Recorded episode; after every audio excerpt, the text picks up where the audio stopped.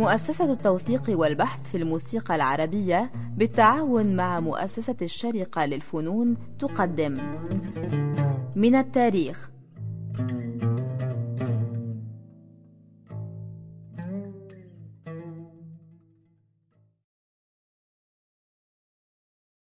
سادتي المستمعين أهلا وسهلا بكم في حلقة جديدة من برنامج من التاريخ.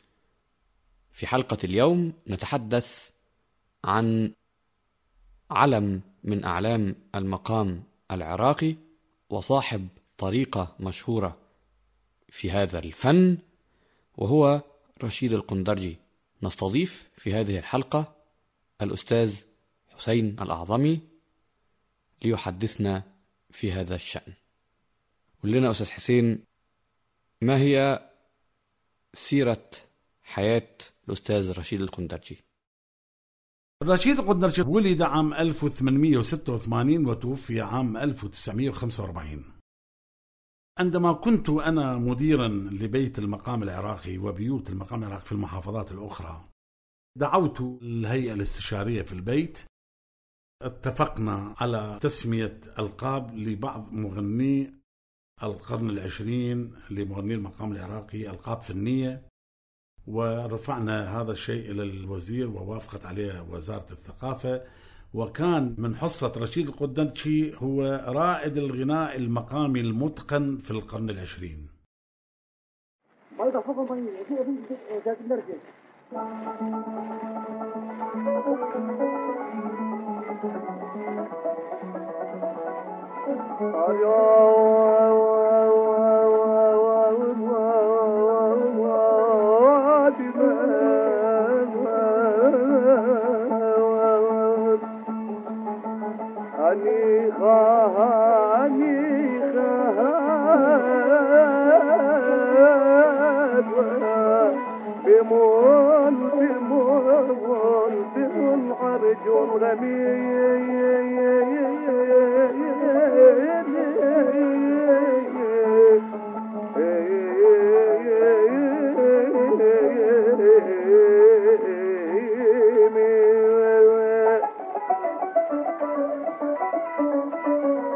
أتم ملاعب الرشا الرخيم. أتم ملاعب الرشا الرخيم.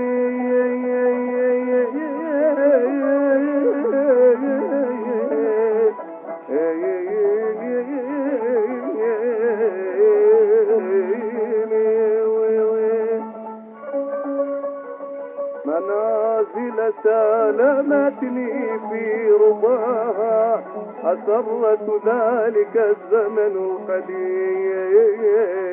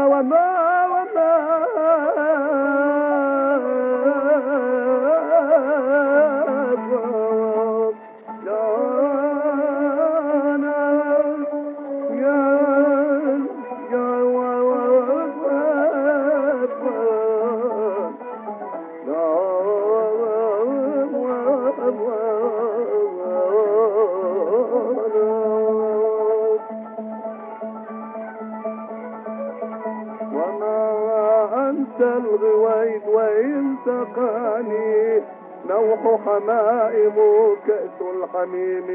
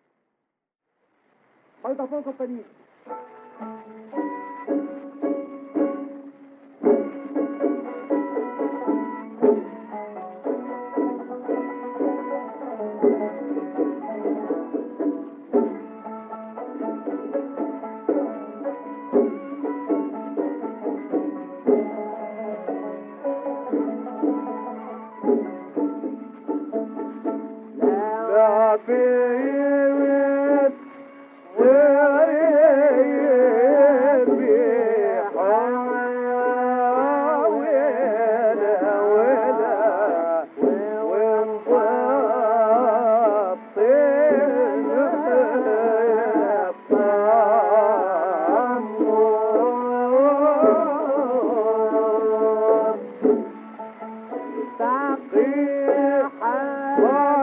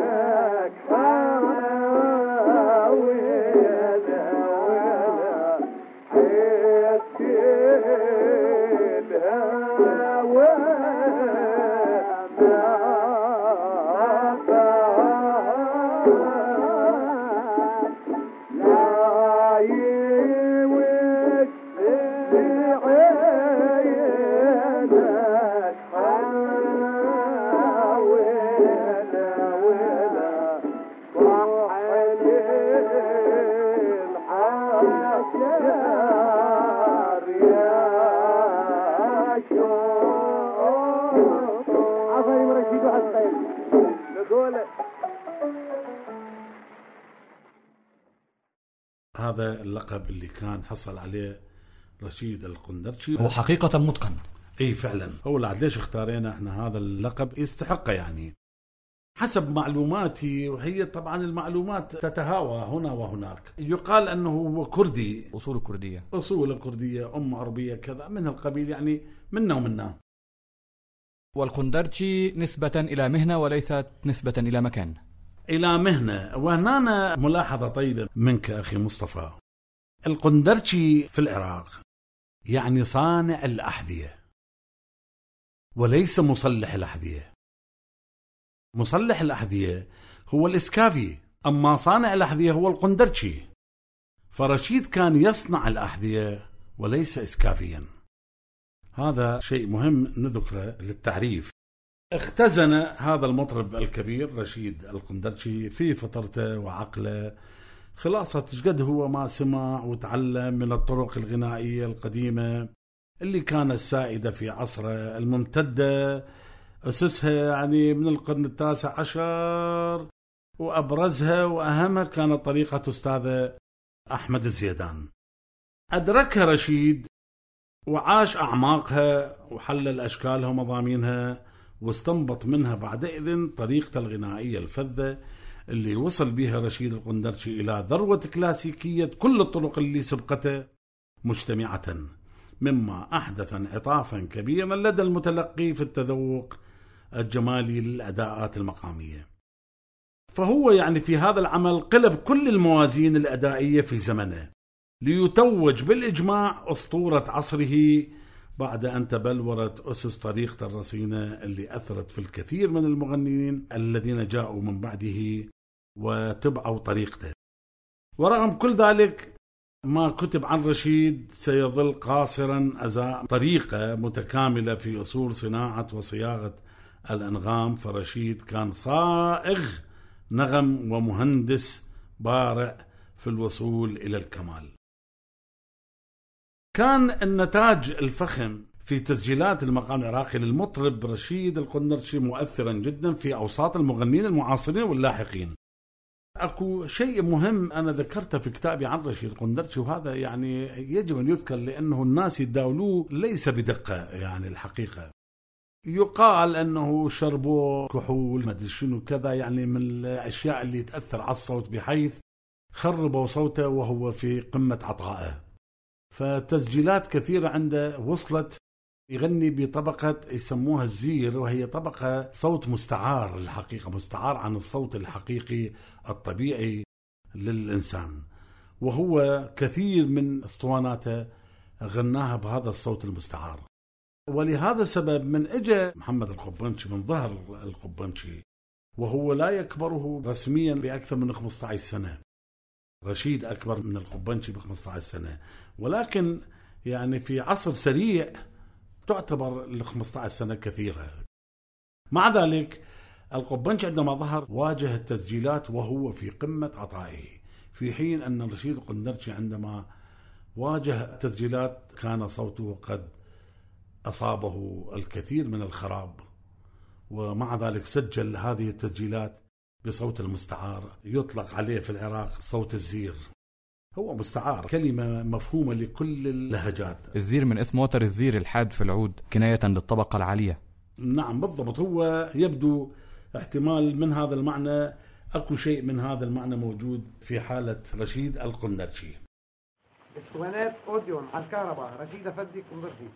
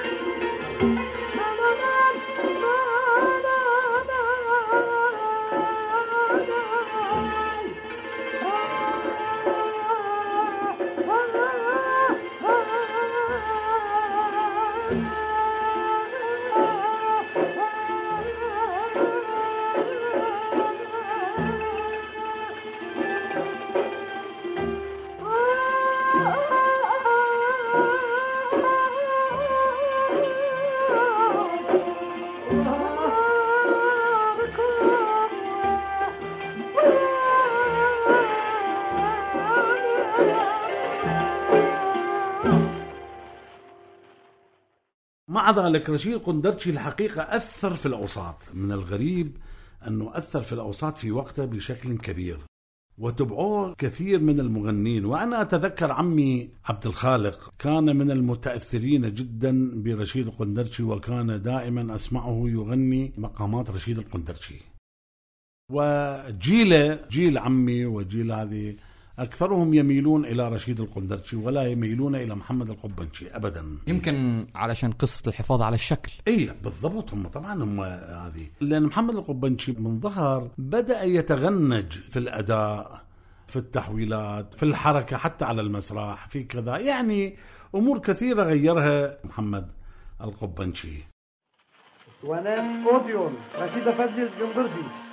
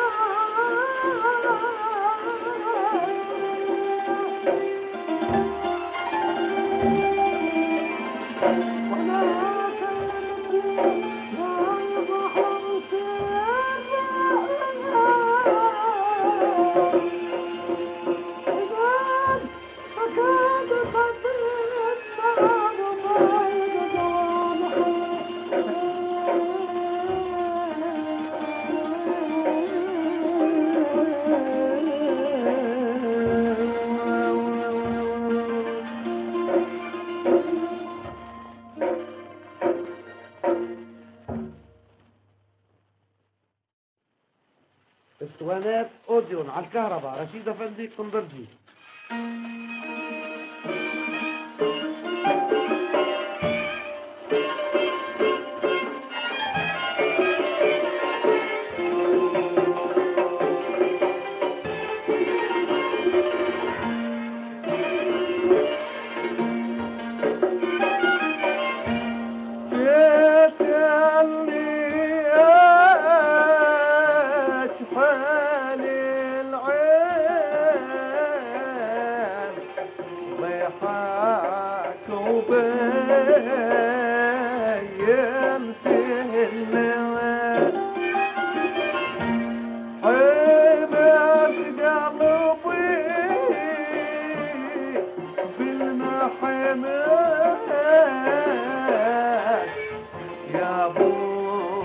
जिले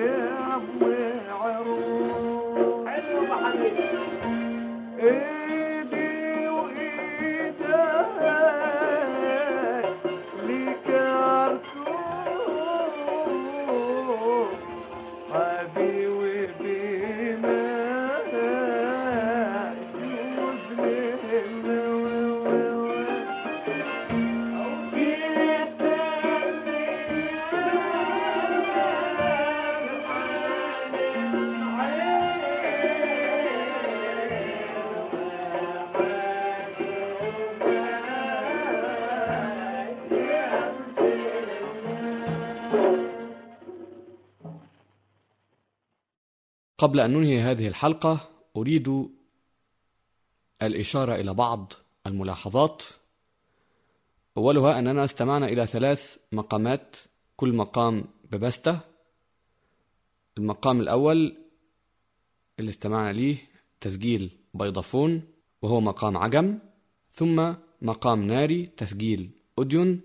ثم مقام طاهر اللي غنى فيه قصيدة أبو فراس الحمداني الشهيرة. أراك حسير الدمع؟ اللي هو إحنا استمعنا إليه آخر شيء خالص لسه يعني مخلصينه. التسجيل بتاع بيضافون هو من أول المصفوفات اللي ظهر فيها اسم رشيد الخندرجي وهو مطلع عام 1924 وبعدين سجل على أوديون في آخر العشرينات أيضا على الكهرباء حوالي سنة 29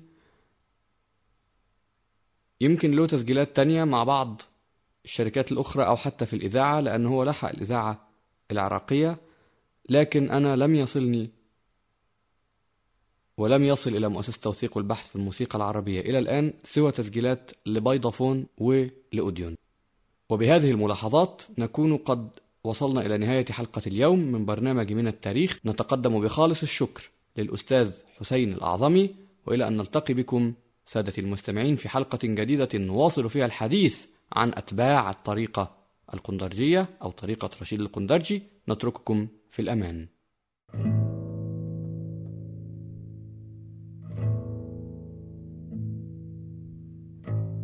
من التاريخ. فكرة وإعداد مصطفى سعيد.